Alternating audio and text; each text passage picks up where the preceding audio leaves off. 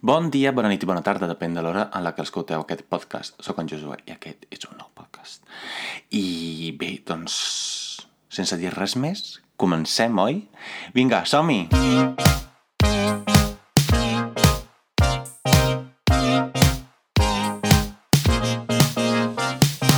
Molt bé, doncs el podcast d'avui va sobre un tema, més que un tema, sobre una manera, un mètode, un tipus de cosa que vaig fer per aprendre llengües. I, I això va sobretot per les llengües la, llatines, les llengües no romàniques, com per exemple el castellà i el català.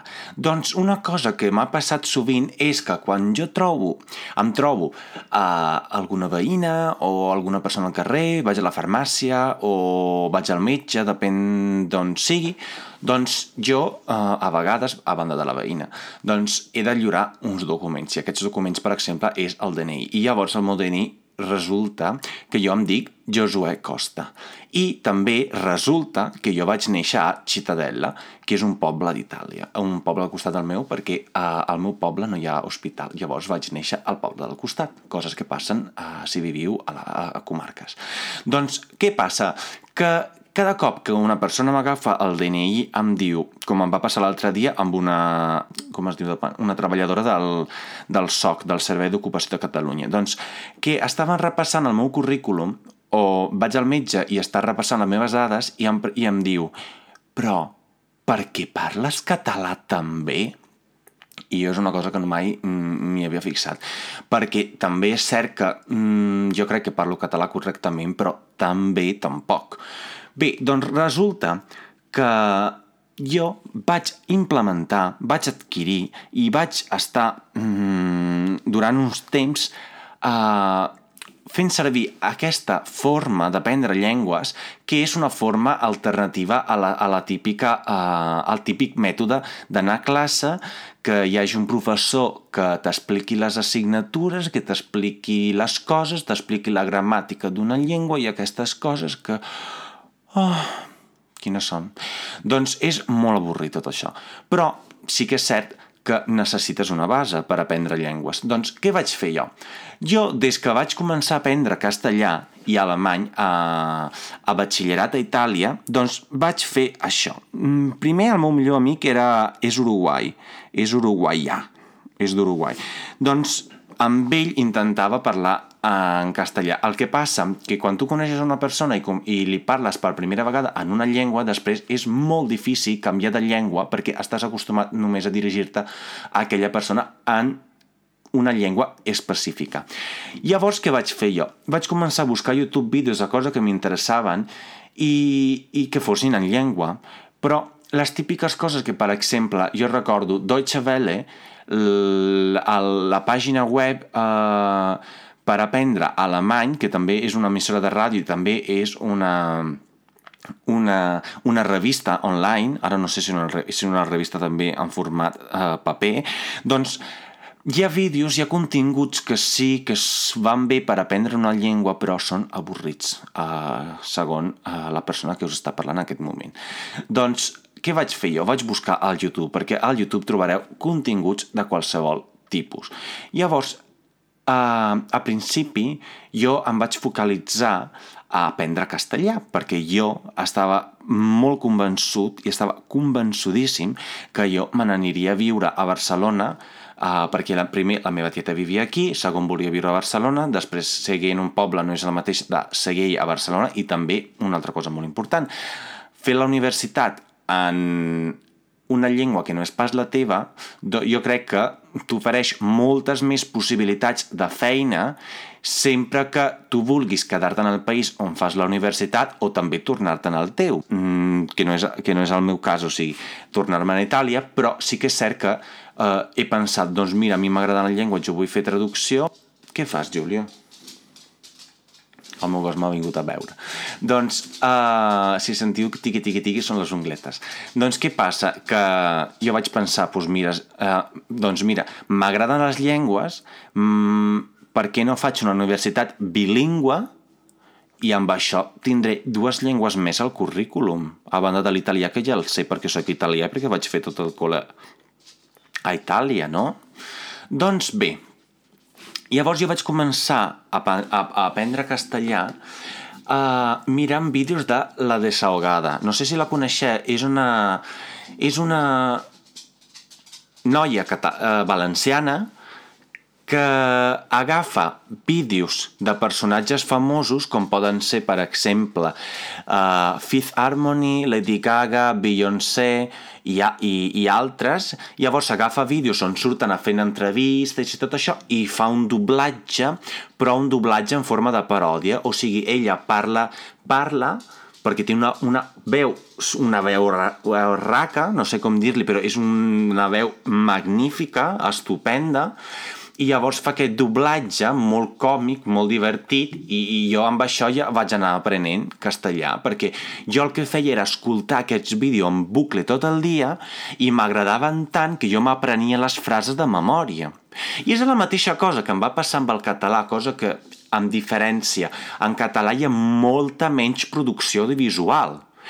Però vaig començar mirant sèries i mirant al Telenotícies Vespre perquè jo deia, quin és aquest guapot que fa el Telenotícia i el Toni Cruanyes?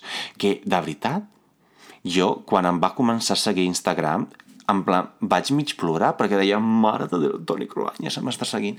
Però, a banda d'aquesta petita digressió, jo vaig començar a mirar el telenotícia perquè m'agradava uh, el, el presentador i llavors, doncs, mira, jo l'escoltava, l'escoltava perquè em venia de gust i, i anava entenent cosetes. A més, també el que feia era llegir els titulars i també la, la, la, la linieta que passa sota de la, de, la tel, de la tele, o sigui, a la pantalla, que sempre com una linieta que posa actualitat o que posa el temps i posa tots els pobles de Catalunya o uns quants. I llavors vaig començar a llegir, llegir, llegir, vaig començar, vaig estar escoltant el Telenotícies Vespre cada dia, a més, eh, una cosa que m'ha ensenyat la meva tieta, o bé perquè no m'ha ensenyat però ella se'n descuidava, era deixar el 324 en bucle tot el dia. I una cosa que faig ara mateix també perquè si estic a casa sol em poso el 324 perquè sé que sempre hi ha algú que estarà parlant i em fa companyia, i llavors vaig començar escoltant i escoltant, i després, clar, la música també, la música en català, vaig començar a aprendre cançons, i de fet, la primera cançó que vaig aprendre, quan encara no sabia que era el català,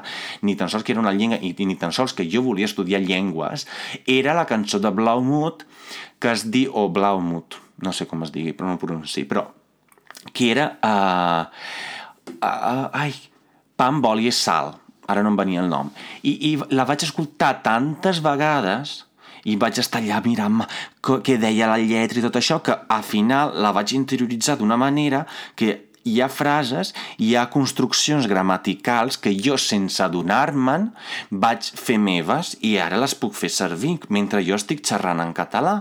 I també és cert que uh, una cosa que m'ha ajudat moltíssim, però no tant per, per aprendre la, la llengua, sinó per aprendre tant la, la dicció, la pronunciació i també a, a, a, a comprendre diferents dialectes del català és uh, el podcast Crims del Carles Porta, que és meravellós i a més fa venir ganes de, d'estar dins d'un crim. O sigui, mm, és molt trist això que acabo de dir, però és molt divertit, és una passada. O sigui, les descripcions... Ara bé, quan comencen a sortir els polis que relaten el que va passar i fan servir aquest català meravellós eh, que jo crec que el dia que li haurien de donar...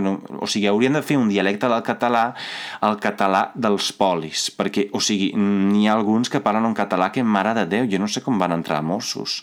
Però bé, doncs uh, vaig estar escoltant, vaig estar mirant, i això jo crec que una persona sense adonar-se'n cada dia comença a interioritzar paraula, parauleta, paraula per aquí, paraula per allà, una frase, ara ve un discurs, ara ve un, una anècdota, o, o també una, una, una, una, una manera de dir o una frase feta, fins a arribar al punt, jo crec, que això és molt graciós, quan, per exemple, l'àvia de la meva parella comença a explicar una cosa i com que nosaltres no vivim allà, nosaltres estem una mica penjats del tema, estem una mica apartats del que vol dir ella.